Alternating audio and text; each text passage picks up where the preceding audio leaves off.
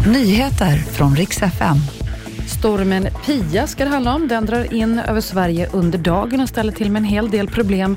Och så ska det handla om pepparkaksdeg som fick en lite obehaglig eftersmak. Vi ska börja med att det brinner kraftigt på en brandstation och det här är Holmsund utanför Umeå.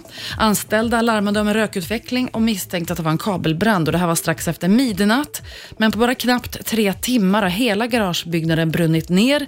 Alla fyra brandbilar ska vara förstörda och flera grannkommuner hjälps nu åt för att bekämpa den här kraftiga branden. Än så länge finns i alla fall inga uppgifter om personskador. Stormen Pia drar in över Sverige idag. Först in över västkusten och Skåne och det kommer att blåsa så kraftigt lokalt att SMHI säger att det kan vara svårt att stå upp, uppemot 27 sekundmeter. Det här drar sedan vidare mot bland annat Gävle där hela E4 väntas snöa igen.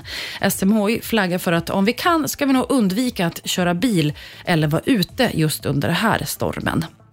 Och den som har köpt Nyåkers pepparkaksdeg fick en lite tråkig överraskning. Flera kunder har nämligen upptäckt att den här degen, den smakar spya. Mm.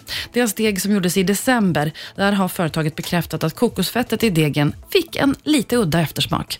Ofarligt men väldigt äckligt och den som har köpt det här kommer att ersättas. Det kan alltså vara läge i alla fall att provsmaka sin pepparkaksdeg innan man drar igång med storbaket.